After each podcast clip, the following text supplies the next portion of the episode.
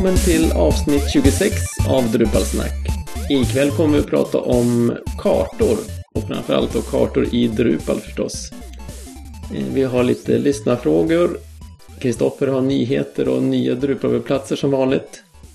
Vi kanske pratar lite grann om eh, Drupal Camp i Stockholm dit jag och Kristoffer ska.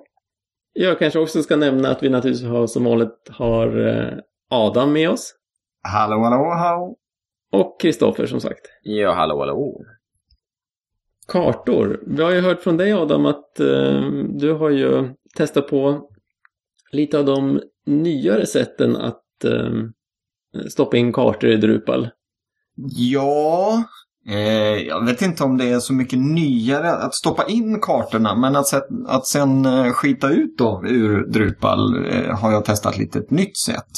Eh, jag tror det vanligaste sättet, i alla fall om jag ska se på hur, hur webbplatserna som Kodamera har byggt de senaste eh, fyra åren, då är det ju eh, Google Maps in och Google Maps ut i form av olika moduler då som aktiverar Google Maps. Och det har jag mycket riktigt använt mig av också. Men när det är dags att presentera datan så har jag börjat titta på Eh, lite andra varianter eh, och framförallt en då som heter Leaflet som är ett JavaScript-bibliotek. Och eh, jag valde att ta det för att det gav lite snajsigare look på kartorna. Det var inte de här klassiska Google Maps-kartorna utan här kunde man få kartor som såg ut som eh, ja, akvarellmålade kartor kartor eller väldigt stiliserade blåa och vita kartor och liknande. Så det har jag eh, börjat bygga, eller jag håller på att bygga en webbplats eh, med just detta. Kristoffer, har du kört några andra metoder? Ja, eh, jag har testat på lite olika sätt. Eh, framförallt just med karthantering ska jag säga. Det, det beror ju på vad man vill presentera. För eh, Eh, ibland vill man presentera en karta över ett specifikt område, till exempel en företagsadress som man vill placera ut på en karta.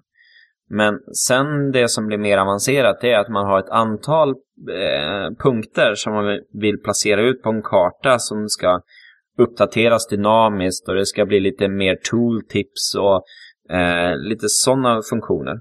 Eh, och där har jag väl testat lite olika lösningar eh, av olika slag så att eh, jag har hyfsad koll på det hela. Du då Adam, brukar, eller vad säger jag Fredrik, brukar du köra några mycket kartor? Nej, ofta så blir det ju bara den absolut mest enkla varianten. Man tar en skärmdump på en karta, lägger in den på kontaktsidan och eh, länkar den till eh, en lämplig och bra adress på Google Maps eller i Niro eller något sånt där.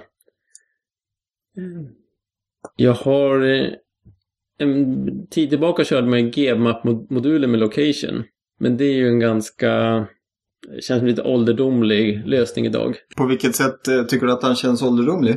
Ja, nu är det så pass länge sedan eh, jag använder den, men det känns som lite, det är ju en, den har ju funnits med sedan Drupal 5-tiden eller något sånt tror jag.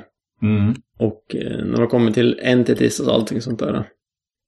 Och sen var ju Open Layers var väl, eh, den har också kört, ja någon implementering har jag gjort med Open Layers. Väldigt, eh, alltså, kan väldigt mycket men Views och Open Layers blev väldigt komplext. Alltså man fick vrida huvudet några gånger, några gäng varv innan man förstod hur det hängde ihop. Har någon av er kört Open Layers?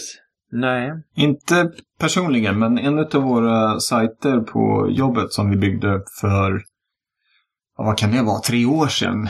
Eh, och som fort, fortfarande är live. Det är ett, ett eh, vad ska man säga, bostadsprojekts områdes webbsida, det var ett långt ord, eh, köra open layers. Eh, och jag får nog säga baserat på de uttryck som kom ifrån utvecklarhörnet under utvecklingen av den här webbplatsen så, eh, så var det nog inte helt eh, enkelt att eh, bygga med Open Layers. För det var, det var styrkeuttryck som hette duga, om jag minns rätt.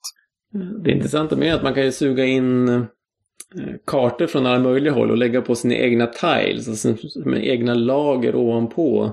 Mm. Så det går att göra väldigt avancerade saker. Ja, precis. Och det var det som, som användes här. Att man Mm. kunde bocka för, liksom visa etapp nummer ett, Mm. etapp, etapp nummer två, visa eh, var, vad ska man säga, järnvägar och busslinjer kom, var finns det lekplatser och så vidare och så vidare. Men vad jag förstår kan ju Leaflet en hel del av de här sakerna också.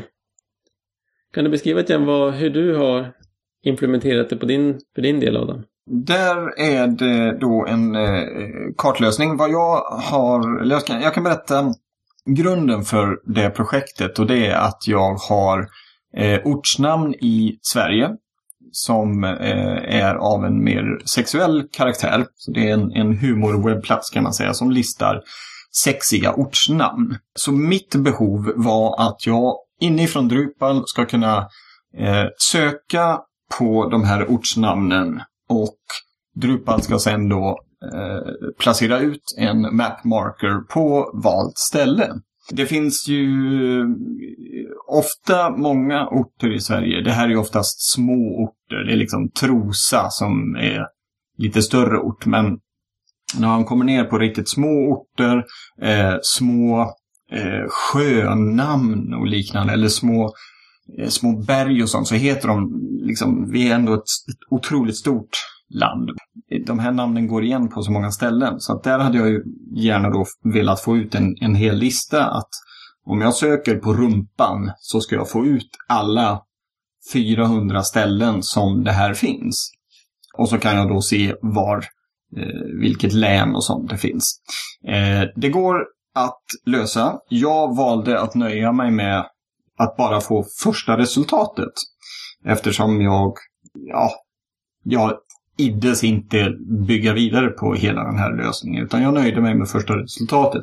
Vilket gör att jag ibland då får lägga till eh, vilket län den här eh, som jag söker i. Och ibland då kanske manuellt placera ut mapmarken på kartan. Och då jämför jag med Lantmäteriets kartor som finns på nätet också. Det är mycket därifrån jag hämtar eh, informationen manuellt. Det är ingen sammankoppling där eller något sådant. Så att i Drupal idag så har jag ett titelfält där jag då har ortsnamnet eller namnet på det här geografiska platsen som är av lite sexuell karaktär så att säga. Eh, och sen hjälper Drupal i så mångt och mycket mig att hitta den här eh, i korrekt län. Och sen utifrån det så får jag då en eh, longitud och latitud som sparas i systemet. Och sen har jag då en vysida som eh, spottar ur sig eh, ett visst antal eh, map markers på en leaflet-karta. Som där jag då har valt en liten snajsigare look på det hela. Så att jag har en relativt enkel kartlösning. Men det är, det är första versionen och sen får jag se ifall jag anser att jag vill bygga vidare på den. Men eh, huvudsaken är att jag får longitud och latitud i alla fall så att jag kan spara det. För sen kan jag ju ta vidare det till eh, ja, andra versioner, an, andra versioner av Drupal, andra lösningar, mm, kartlösningar så att säga. Jag tittar på den här Leaflet-modulen. Den, eh, det är ju inte många kilobyte stor den där. Nej, Behöver man någon, någonting extra när man, efter att ha installerat den? Eh, Den har några dependencies. Om jag minns rätt så är det väl libraries som, eh, som den har som dependency. Men annars, nej, den, den är rätt så straightforward. Om man laddar ner själva, själva JavaScript-biblioteket i sig, separat förstås, ja. Ja, ja precis. Förlåt. Det, jag tänkte inte ens eh, på det. Absolut. Eh, JavaScript-biblioteket eh, måste man ju ladda ner och lägga eh, Eh, i sin Drupal-installation också. Men eh, annars så det är nog inte så mycket annat faktiskt. Det, är- det är väldigt lätt att komma igång med det. Och sen väljer man ju bara hur man vill presentera det. Antingen då via en, en vy som jag har valt att göra eller om man vill ta det eh, nod för nod. Och då väljer man ju det under ja, nodtyper, visning för nodtyper. Ja, det finns en submodul där till Leaflet-modulen som heter Leaflet Views, som är just den här Views Integration. Och den har dependencies på Geofields, Views och Entity. Och eh, Geofield, det är ju ett av många olika sätt att spara eh, position i Drupal. Jag, det kan nog vara ganska bra att lyfta det här för de som är ny till karthantering.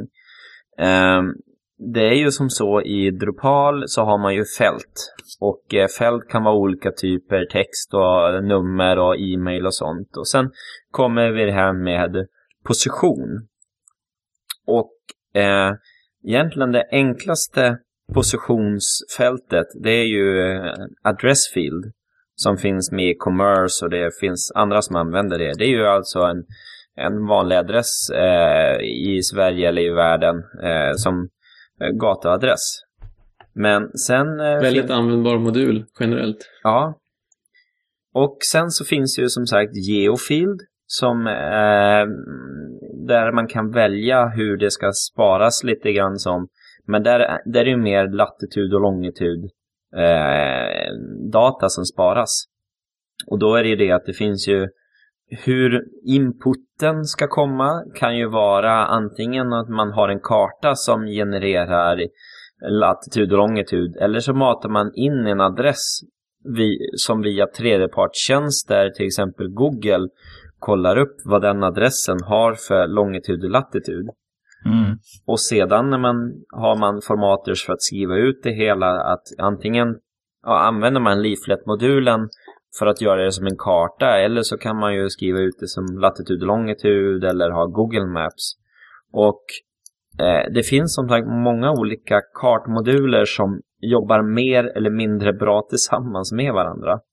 Och jag ser Leaflet använder Geofield och den har, jag har inte jobbat med den så mycket. Jag har jobbat med en annan eh, sånt fält som heter eh, Geolocation.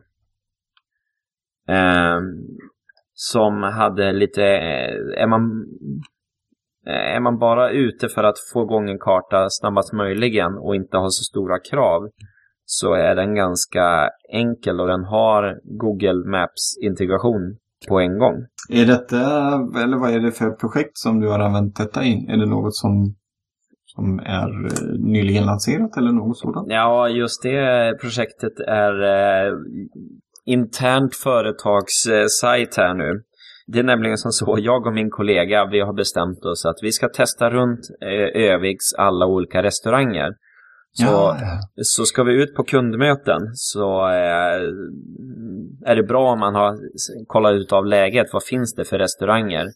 För ingen av oss är sådana som har gått ut och ätit mycket luncher, eh, utan vi är mer matlådemänniskor.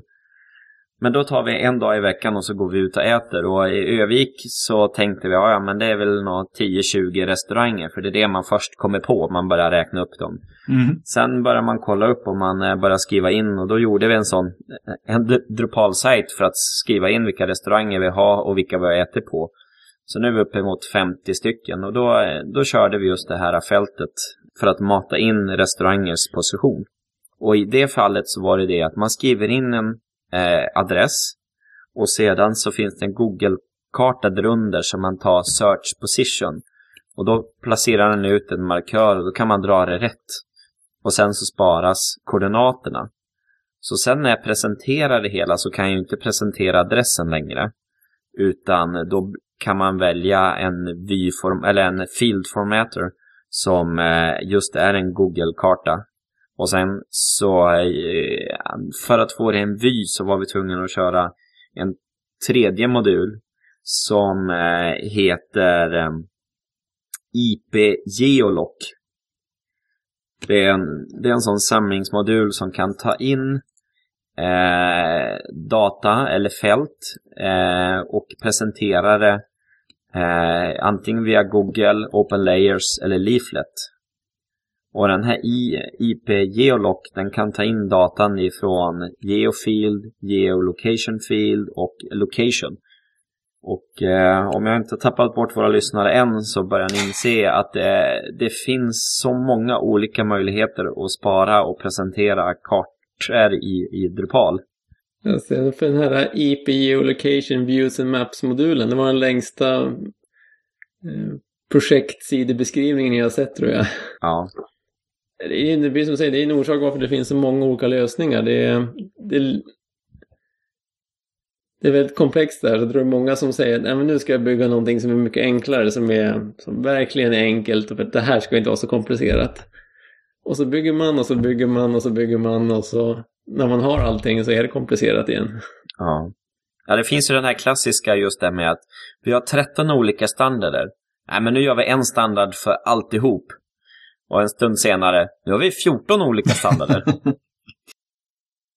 för sen är ju det att när man sen presenterar datan att till exempel, ja men då ska jag placera ut de här punkterna. Eh, där är det ju det att om man säger att man har en karta över återförsäljare i Sverige. Och då har man eh, 30 olika återförsäljare som man placerar ut på kartan och det verkar eh, ja, schysst och bra. Sen så klagar de i Stockholm över att men, vi har 10 återförsäljare i Stockholm eh, centrum. Och eh, de får en markering och det är svårt att zooma in och folk vet inte att det är där. Och då, då börjar det bli sådana här algoritmer att man ska klustra ihop eh, punkterna. Mm. Och då finns det olika moduler som hanterar sådana saker out of the box. Eh, som då kan hjälpa till att eh, göra sånt automatiskt så att när man zoomar in då vecklas de, eh, de markerserna ut och man kan se mer. Och det här med färger och på papprutor och det går ju att bygga vidare väldigt mycket och just sådana här klustermoduler finns ju både för Leaflet och för Google Maps. Och just det här med att styla om kartor. Det är ju ingenting som Drupal gör själv utan där är man ju beroende på, ja men som Leaflet, där har man ju sitt bibliotek hur eh, färger och form ska göras på kartan. Och i i Google Maps så har man ju API, eh, Google Maps API, där man kan styla om och säga det att vatten ska ha en viss färg, land ska ha en annan färg och, och, och det är ju det är ju de detaljerna som man behöver ändra på om man ska få en sån riktigt dundersnygg sajt. Och då, då blir det att man går utanför lite grann vad standardmoduler kan, utan då ska man in, hitta de här settingsinställningarna som eh, behövs till API-erna. När man kommer till en eh, webbplats som verkligen utnyttjar kartor och det, in, det ser inte ut som en så standard eh, Google-karta bara sådär utan de har verkligen gjort någonting som är både snyggt och eh, i högsta grad funktionellt och verkligen gjort skapat någonting nytt så blir man rätt impad. Men efter bara det lilla jag jobbar med kartor så inser man att det är en hel del jobb. Eh, Drupikal.com har ju gjort lite grann sånt. Det är ju den här sajten som håller reda på alla event som händer i Drupal. Det är en kul, kul webbplats. Ska vi se vad de använder för någonting? De använder ju Leaflet. Eh, mm. och det var faktiskt eh, via dem, eller via den sajten, som jag fick upp ögonen för Leaflet. Det är något, något liknande den här som, som jag vill ha då, fast, eh, eller komma till, fast bara över Sverige. Det verkar ett kul exempel på ett snyggt sätt att använda, använda kartor. Mm. Och sen eh, skulle jag väl tro att de använder då taxonomier, just att man kan eh, ta bort de här Drupalcon och user group meeting eller välja exakt vad man vill se på kartan. Man kan ju ta bort related events för man vill filtrera på det hela. Så att det är, det är riktigt snyggt gjort. Och så läser de ju in det från, från Drupal.orgs event eh, alltså, eller vad heter det? Man har skapat event via Drupal.org de suger in det flödet. Jag ser här att en Drupal Got Together 5 mars. I Göteborg ja. Ja, och sen Drupal Camp Stockholm 15 mars. Finns med på kartan här. Ja, jag hoppas att du kan hit till Göteborg också. Att vi har eh, Drupal Camp också i Göteborg. Jo, Drupal Camp där i Göteborg 15 november. Och den, den, har ju även så att man kan eh, filtrera där uppe i högra hörnet. Man kan sätta kontinent och eh, vilket land man vill mm. intressera sig av. Och då zoomar ju kartan in automatiskt till, eh, så att den bara får med de punkterna eller de plupparna som ska vara med. Mm. Så där är Drupal Camp Göteborg också. Den var liksom gömd lite bakomför Got Together. Ja, där skulle man haft en liten grej så att man kunde ha sett att det fanns någonting bakomför. Mm. Ja. En liten kluster, klustergrej där. Det syns ju listan ute till, till höger när man har sökt fram. Ja, eller så får ni Adam se till att inte hålla dem så tätt i, i position. Så Ja. ni får ha campen i Mölnlycke och eh, Get Together i Kungälv eller något sånt. ja, eller på någon utav öarna. Ja. Ja, man behöver ju zooma in rätt rejält för att se att det, att det börjar bli två. Vi har ju inte pratat så mycket om Bing i Drupal-sammanhang. Sammanhang. Eh, jag försökte googla Drupal och Bing, fick inte upp så mycket. Är det något som, som ni har hört talas om? Bing glöms ju ofta bort. Google är så stort och speciellt när det kommer till Google Maps. Men Bing Maps finns ju också.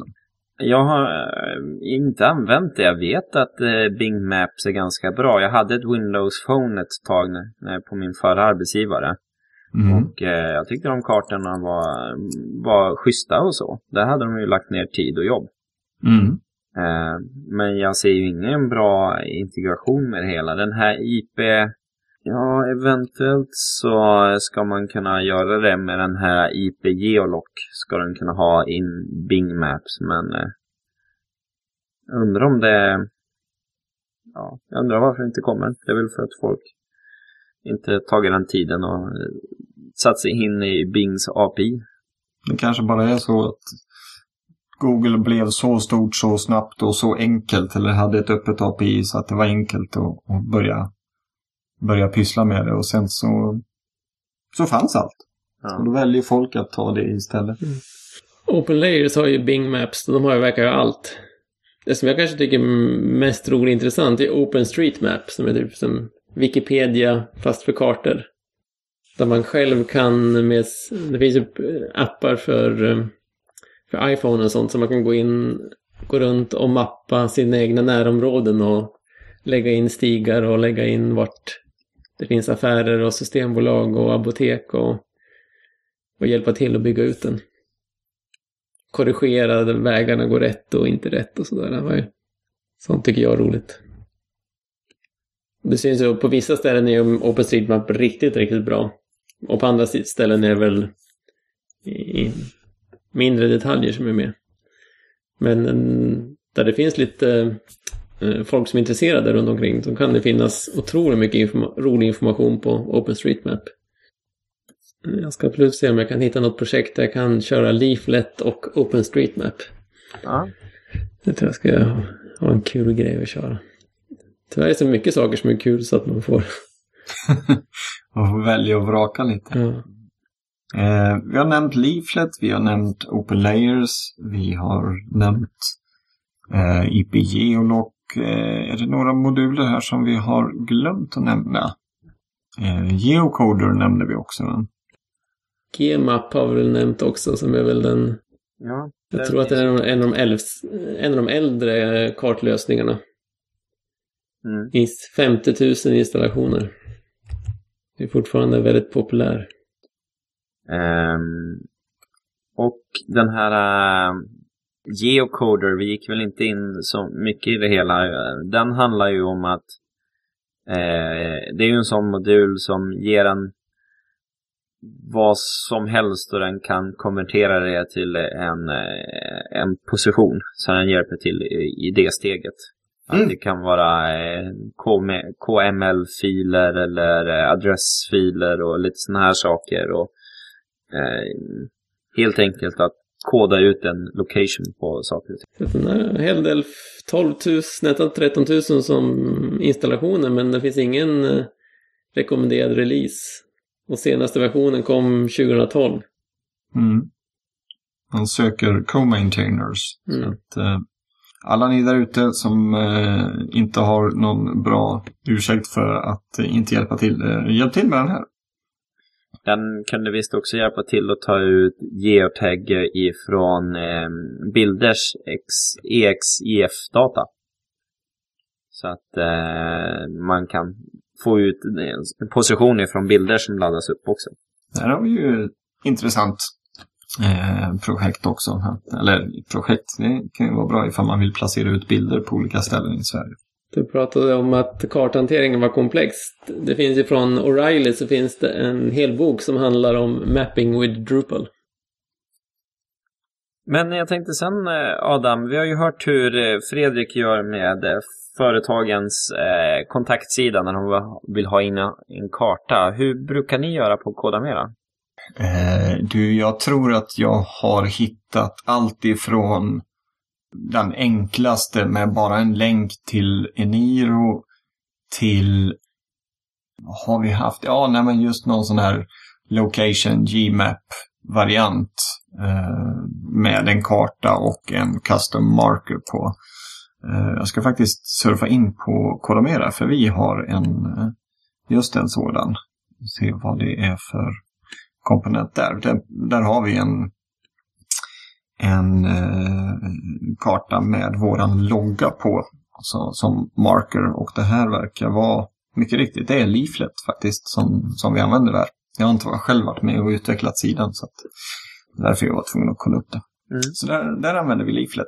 Men det här är väl det vanligaste eh, om kunden vill ha en karta, att man just bäddar in en, en karta och sen stylar den mer eller mindre. Det är en Mapbox-karta dessutom ser det ut som. Mm, ja, just det. De använder... Ja. Eh, fast Leaflet hade något med det hela att göra i alla fall. Ja, jo. vi tittar koden här nu så. Mm.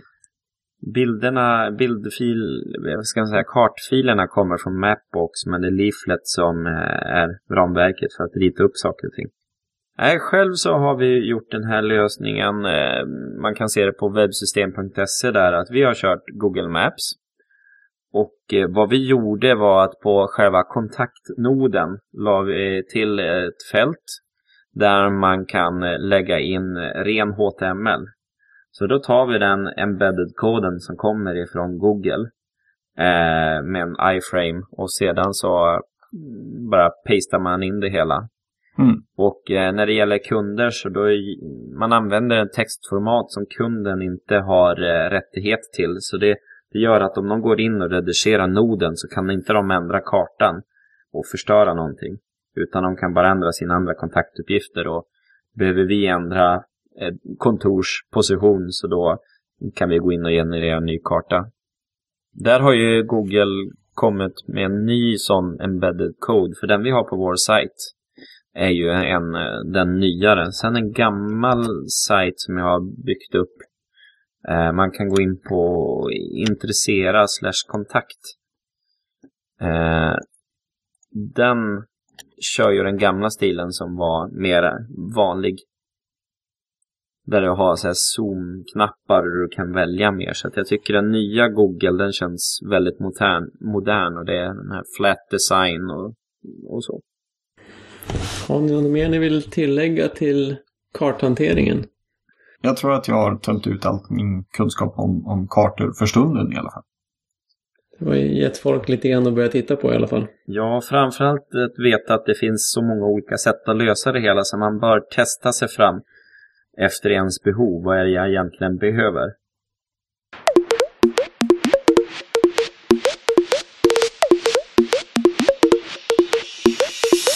RuPaul Schnack. På tal om komplicerade saker så har vi fått in en uh, lyssnarfråga från uh, Mikael som säger att han är systemutvecklare sedan en massa år tillbaka. Har jobbat med webbaserade affärssystem eh, och som utvecklare då, och har lekt lite grann med Wordpress men blivit nyfiken på Drupal. Han tycker det verkar inte helt omöjligt att ta sig in i men och så sitter vi här och pratar om att nej, man måste nog eh, jobba heltid med Drupal för att det ska vara någon poäng nästan. Han fick han som en känsla av. Och eh, då undrar han hur ska han tid att lära sig Drupal när han har ett heltidsjobb och familj och sådär. Är det någon idé att eh, alltså, börja med Drupal eller ska man hoppa över det? Vad har vi för råd till honom? Ja, eh, jag skulle väl säga att oavsett system så, så tar det ju tid att komma in i det. Eh, jag har ju precis eh, via jobbets vägnar börjat jobba mer och mer med, med eh, Wordpress i och med att vi får mer kunder som efterfrågar byggnationer i Wordpress. Och det är ju faktiskt exakt likadant som med Drupal. Visst, det är väldigt lätt att komma igång med det. Och, och, det, är liksom, det, är lika, det går lika snabbt att installera Drupal som Wordpress. Eh, men sen när du ska börja bygga och kanske bygga på rätt sätt så är det ju lika, lika mycket tid man måste lägga i en Wordpress-installation eller en Joomla-installation för den delen. För att vet du inte hur du ska åstadkomma någonting mer avancerat än att bara skriva in text och lägga till bilder så, så måste man ju börja söka information. Och i mitt fall på jobbet så är vi två personer som pysslar med Wordpress. Vi är hyggligt nya på det. Och tack och lov så har vi pysslat med Drupal så länge så man vet ju ungefär vad man vill bygga och hur man ska söka den här informationen. Så att oavsett system man ger sig in på så ska man vara beredd på att det tar tid att lära sig och, och ju mer avancerade saker man ger sig in på desto mer tid får man ju plöja ner. Men eh, med det sagt så tycker jag ju att man tjänar på att lära sig Drupal för man kommer rätt snabbt till korta i Wordpress, eh, tycker jag. Nu ska, vi inte, nu ska jag inte leda in spåret på att hacka på Wordpress på något sätt. Eh, och jag ska absolut inte föra bort eh, spåret ifrån Mikels fråga. Eh, jag kan väl säga så här att eh, hade jag inte jobbat heltid med Drupal så hade jag nog försökt lägga en eller två timmar per kväll. Eh, jag är en kvällsmänniska så att jag sitter ofta när fru och barn har gått och lagt sig och sitter och pular och bygger vidare på saker. Och eh, jag har en väldigt förstående fru som, som vet att jag tycker om att jobba med webben så att jag har fått eh, måndagkvällar till att pyssla med Drupal och varannan måndag så sitter jag med er grabbar och pratar om Drupal i podcasten och den andra måndagen så sitter jag faktiskt hela kvällen eh, helt ostört eh, mer eller mindre och eh, testar och jobbar med Drupal. Mitt tips till dig Mikael det är väl att helt enkelt försöka lägga eh, kanske en kväll i veckan eller någon helst en kväll i veckan för då har man ju en, en större mängd samlad tid. Men går inte det att få till i ditt liv, din situation som du befinner dig i just nu, eh, så i alla fall en timme eller en stund kanske varje dag för att komma vidare med det hela. Och eh, som jag brukar säga till våra praktikanter att börja med att lära dig views och panels. För då har du lärt dig mycket utav eh, det som du kommer använda i Drupal eh, när man ser till moduler. Sen är det ju egentligen bara att eh, testa sig fram och se vad är det för behov man möter och hur löser man det. Helt enkelt. Det kan ju vara allt ifrån att, att fixa till URLer i bulk och då hittar man vad det är för moduler man ska använda till det. Till att styla om eh, kartor i någon snygg stil och då får man söka information om det. Eh, Kristoffer och Fredrik, vad, vad skulle ni ha för rekommendation till Mikael? Ja, så här, det jag vill är ju det att jag vill ju att Drupal ska växa. Så att det är inte så att jag, jag ska gå och säga det att nej men det är för svårt att eh, bryr inte om det hela eller så. Utan eh, var och en kan lära sig Drupal. Sen så är, finns ju den här klassiska inlärningskurva-bilden. Det finns en bloggpost som just eh, skriver The seven stage of Drupal learning curve. Um, men... Det heter shock and denial. Ja. Och det, det, det som är ju det att eh, Drupal är ju ett så stort system. Eh, det är ju, om man säger att lära sig SharePoint det är ju ingenting som man gör bara någon kväll eh, nu och då, utan det, en sån system tar ju väldigt lång tid att lära sig om man vill få saker och ting perfekt. Och Drupal är så pass stort och i Drupal så är det, det är få saker du får gratis. Men samtidigt så är, är det få saker du behöver eh, hacka dig runt. Eh, till exempel i, ja, men i Wordpress eller andra bloggverktyg. Ja, men det kan vara jätteenkelt att få upp en blogg. och du kan göra någonting. Men sen när, när man vill göra någonting som inte stämmer överens med bloggandet, då kan det i princip vara helt omöjligt. Medan i Drupal så du får ingen färdig blogg. Utan du får bygga upp den och det går hyfsat eh, snabbt när man är van.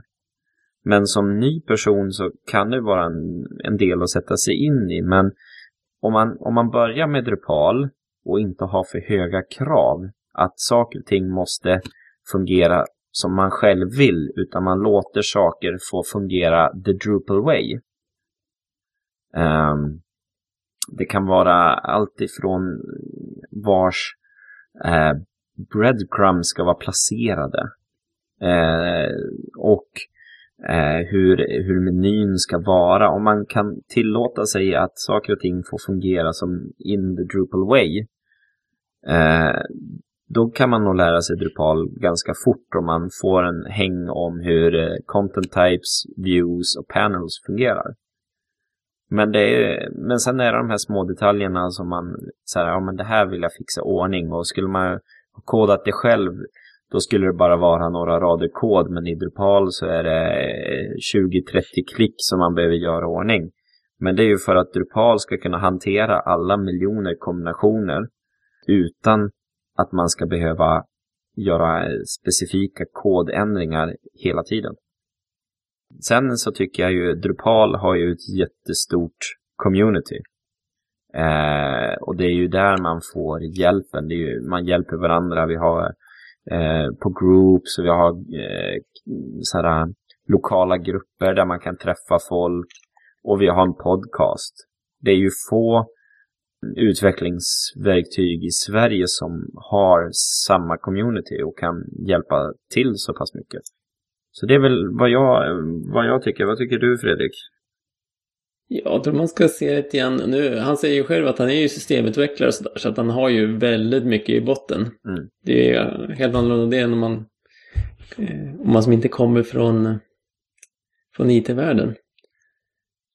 Men om man ska bestämma sig om man vill lära sig Drupal eller inte, då, måste, då skulle jag börja med att ställa frågan vad är det jag egentligen vill bygga för någonting? Vad är det jag vill kunna åstadkomma? Och är det så att man bara vill åstadkomma en, eh, en enkel blogg eller någon sån här eh, broschyrwebbplats, då är det förstås poänglöst att lära sig Drupal. Det är ju helt bortkastad tid. Men är det så att man vill kunna lära sig ett system för att kunna bygga riktigt avancerade hemsidor, alltså, så är ju Drupal, jag kan inte säga att det är enda, men det är ju definitivt ett av de bästa systemen att lära sig. För du kan ju, det är ett öppen källkodsystem, du kan ladda hem det, du kör det på Linux. För, för en minim, minimal kostnad så kan du bygga, har du potentialen att bygga lika avancerade hemsidor som i princip vem som helst i hela världen. Du, du får liksom samma verktyg som man bygger whitehouse.gov eller som du bygger eh, The Economist eller eh, som massa stora eh, webbplatser byggs med. Mm. Det är ju unikt. Och plus att du kan göra en hel del av de här sakerna utan att lära dig koda, utan att skriva POP. Som du säger, lär man sig, eh, lär man sig hela Node Entity-systemet så man kan skapa egna content types med fält och sånt. och man lär sig views och eventuellt kanske lär sig eh, panels. Om man sen dessutom kan lite CSS och sånt så att man då kan piffa upp själva utseendet så kommer man otroligt långt. Om, så är det en avancerad hemsida med kanske lite e-commerce med, ehm, eh, med stor flexibilitet och man kanske vill ha en, eh, ha en blogg om man vill ha, som jag pratade om idag, stoppa in kartor och verkligen bygga en avancerad hemsida. Då är, det, då är det alternativet antingen ha en himla massa pengar eller sätta sig ner och lära sig Drupal. Mm. Ja. Jag lyssnade på, på, på vad du sa och det lät som att eh, du får, du får säga emot mig men det lät som att om du bara har en väldigt enkel sajt då ska du inte välja Drupal utan då är det bättre att ta något annat system, till exempel Wordpress. Eh, men... Ja, gå in på wordpress.com eller på ghost.com och bara skapa ett konto. Ja. Det är vad jag rekommenderar eh, de flesta. Mm. Eh, där skulle jag i så fall vilja lägga till att om man plötsligt då vill göra en, bara en sån enkel sak som att begränsa rättigheter så märker jag i alla fall när det kommer till Wordpress att där kommer man till korta rätt så snabbt. Eh, för att sätta rättigheter i Wordpress det är en riktig surdeg att köra igång med. Medan i Drupal så kan du redan från början begränsa det på ett väldigt bra sätt. Och vill du till och med begränsa ner det på, på nodnivå eller kanske till och med fältnivå kanske finns. Så, så finns det ju moduler som snabbt bygger ut sådana saker. Så att, nej, vi har en, en, ett gäng äldre sajter som är väldigt enkla till utseendet. Men de, och bakom underhuven så att säga eh, inte är så avancerade men ändå kör Drupal på ett ytterst bra sätt. Mm. Och, eh, men också han, om han, eh, så här, han är ju systemutvecklare så mitt tips är ju där också i den lärningsprocessen om Drupal. Det är ju att, tänk, att inse att content types, det är databastabeller. Och sedan bryr du dig inte om hur Drupal egentligen sparar dem i databasen. Utan se en content type som en tabell. Och i en tabell har du olika fält som du kan lägga till. Du kan ha eh, så här, och det är ju kolumnerna i den tabellen. Är ju fälten. Och sen Drupal, hur den sparar i databasen med sina tabeller. Det, bryr inte om det. Titta inte på databasen. Den behöver man inte vara inne i, i Drupal. Utan det, det sköter Drupal åt en. Och sen kanske acceptera att eh, man kommer otroligt långt med att eh, installera moduler och peka och klicka. Mm. Så att det, det, det, det är rätt sällan som du behöver börja ett projekt i Drupal med att börja koda någonting. Utan du kommer otroligt långt med att eh, utnyttja befintliga moduler. Mm. Så sammanfattningsvis kan vi väl ge svar till honom att eh, om det verkligen är så att man vill bygga eh, avancerade hemsidor eller hemsidor som har potentialen att bli lite, lite mer avancerade så är det helt klart om man inte har en massa pengar att betala oss eller några andra utvecklare för så är det helt klart värt att lägga ner tid på att lära sig Drupal för då får du ett verktyg du kan bygga nästan vad som helst med. Mm. Men eh, det är väl samma orsak som att vi har cyklar med två hjul och inte med tre hjul.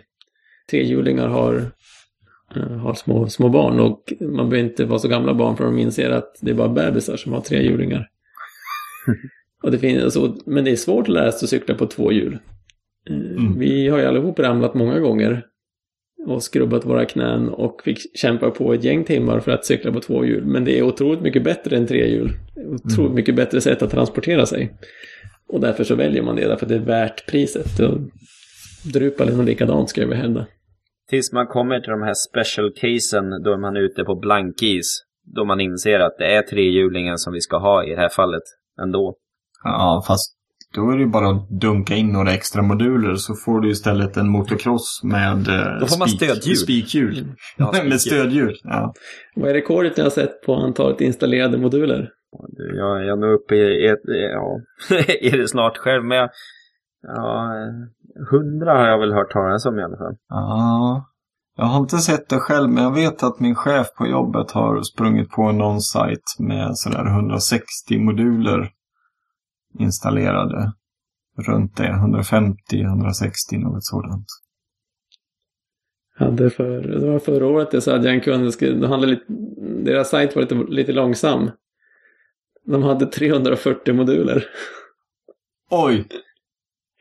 Jag berättade du igenom det var något nytt, absolut nytt rekord sa jag. fick, du, fick du gå igenom den och, och stänga av några eller? Ja, jag lyckades till sist få ner det till uh, under 200. Ja, sådär. Och så lite andra grejer, så då fick jag det som till. Och det var några, några queries som var väldigt dåliga och sådär. Så att, men den, den blev inte snabb, men den blev i alla fall inte olidligt långsam. Ja. Man skulle behövt en ny server också. Och det är väl kanske sådant som, som skiljer, eh, vad ska man säga, de som sitter och lär sig Drupal till de som har hängt med ett tag. Att istället för att plocka tio moduler som tillsammans ger eh, en funktionalitet som man vill åt så kanske man vet att nej, men den här heter ju faktiskt, eller för det här ändamålet så, så finns det just den här modulen. Vilket gör att man sparar då nio moduler och en, en lite himla massa minne liksom. Så att det är, men det är ju sånt som erfarenhet gör också. Ju mer man pysslar med det, desto mer vet man och desto mer lär man sig. Eh, det tycker jag gör mycket som just när det handlar om moduler. Att som utvecklare så säger jag helt enkelt nej. Den där funktionaliteten är eh, onödig och inte värd priset, säger jag till kunden. Mm. Dessutom är kärlänkar bara tuntigt. Sen vill kunden ändå ha det. Och så är man glad sen när kunden gör en jättestor security audit. Och eh, tröskar igenom allting. Och eh, allting är perfekt utom Visivig-editorn som kunden absolut sa att de var bara tvungna att ha. Det var det enda som inte klarade av security auditen. Så WYSIWYG-editorns fiende nummer ett. Nej, Ja. inte riktigt.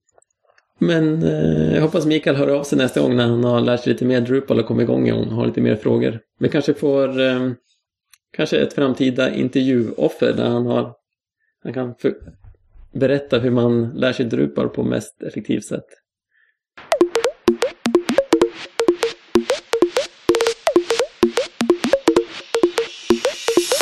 Drupal snack. Eh, nyheter och annat är det väl hög tid att sätta igång med. Ja. Det händer ju saker på Drupal hela tiden. Och jag har en, en, en samling nyheter här nu. Första eh, nyheterna, lite Drupal Association-nyheter som jag tänkte börja med. Eh, Drupal håller på att titta över en sån ny eh, release cycle som jag tycker är lite intressant. Eh, där man mer liknar typ Ubuntus tänk lite grann. Ehm, det handlar om att man, man har LTS-versioner. Så att eh, Drupal 6 kommer att gå in i en LTS-version nu fram tills Drupal 8 går in i LTS. Och LTS det är den sista versionen som man har eh, innan nästa eh, version kommer. Så att eh, det finns en bloggpost om det hela så man kan läsa mer om det hela. Men det gör att det blir enklare att veta att den här versionen, nu är den här stabil, det kommer inte hända någonting, nu kör vi på den och eh, kan vara nöjda med det. Sen eh, finns en kort bloggpost om eh, Drupal.orgs framsteg. Man, man jobbar vidare med det hela. Eh, man håller på att titta på att lägga till user pictures på Drupal.org. Eh, det finns ju på Groups men inte på eh, Drupal.org. Så det håller man på att titta och lägga in och lite så här själva issue-systemet och pro projektsidor och så får de lite bättre. Så det är kul att det händer lite grann. Sen så är det ju som så att det finns numera one million websites running Drupal. Och eh, det här är alltså sajter som kör Drupal och som regelbundet eh, pingar tillbaka till Drupal.org via update-modulen. Eh, så det tycker jag är, det är ju det är ganska stort. En miljon sajter. Det, sen kan det väl sägas att det, det är betydligt fler som kör. Eh, som du säger, och de som stänger av update-modulen och, och på det sättet inte pingar tillbaks eh, eller på andra sätt eh, är bra, bakom brandväggar eller liknande. De finns ju inte med i den här statistiken.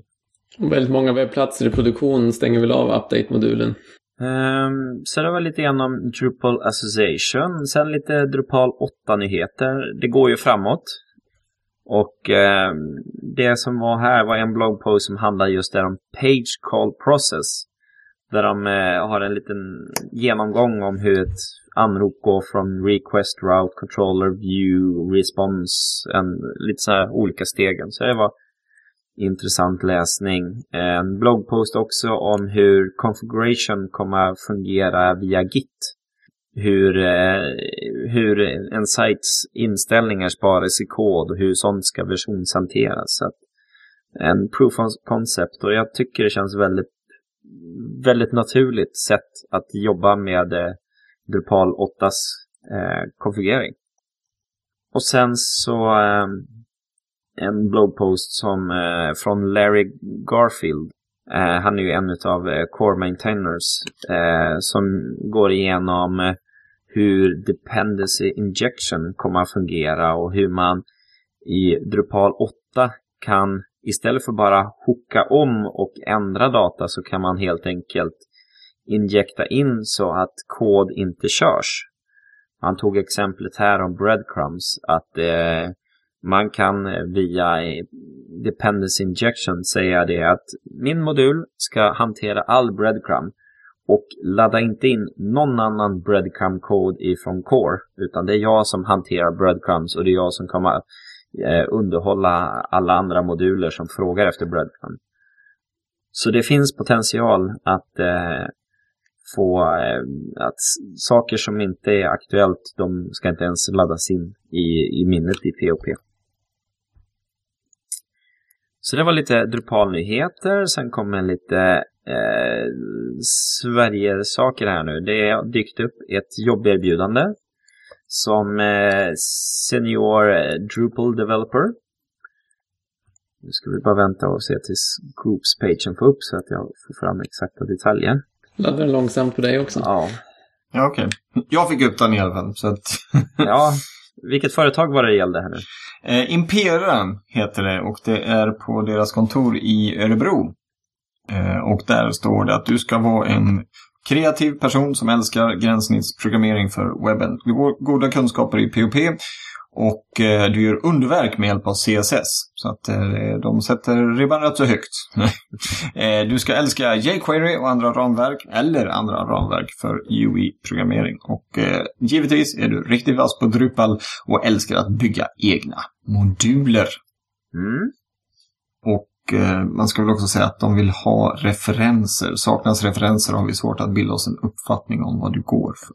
Så att, Befinner ni er i eh, Örebro så helt OK eller i närheten eller kan tänka er att flytta för den delen. Sen eh, så har vi tre nya sajter som har dykt upp här. Den ena är Statens medieråd som har fått en ny sajt som kollegorna har lett och eh, designen är gjord utav Upperdog. Eh, sedan så har eh, KI, vad, Karolinska, visst är det? Mm. Ja, Karolinska institutet. De har ju fått en ny webb utav Happiness. Och där har även eh, Aquia, deras eh, svensksatsning satsning nu varit med. Så att där börjar ju Aqua vara med i, i svenska upphandlingar och eh, jag pratade lite grann på, med, med dem på Connen, eh, DrupalCon nere i Prag och de, de är ju ingen utvecklarbyrå utan de projektleder och ser till så att eh, man kan ta de riktiga stora jobben. Så att eh, jag tycker det är kul att de kommer in på marknaden och kan fightas med de stora elefanterna.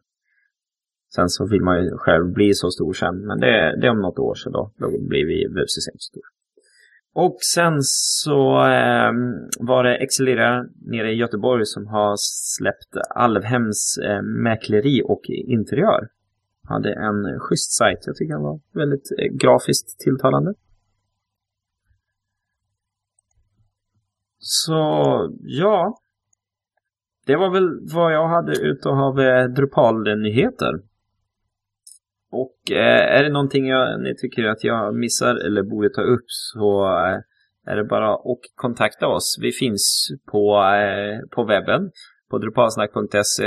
Eh, kontakta oss där. Vi finns på Twitter eh, och eh, vi har ju kommentarer på våra eh, blogginlägg och vi finns också på info.drupalsnack.se.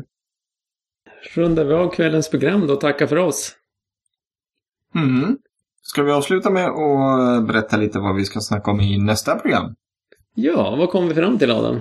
Ja, eh, du nämnde det lite snabbt i inledningen. Det blev inte så mycket snack om det. Men nästa program kommer vi att ägna helt åt eh, Drupal Camp Stockholm. Helt enkelt. För det kommer att ha gått av stapeln nästa gång vi sätter oss för att spela in eh, den här podcasten. Mm. Och det ska man ju pusha på lite grann. Det är ju eh, Drupal Camp i Stockholm. Så eh, finns fortfarande biljetter kvar så det är bara att anmäla sig om man vill dit.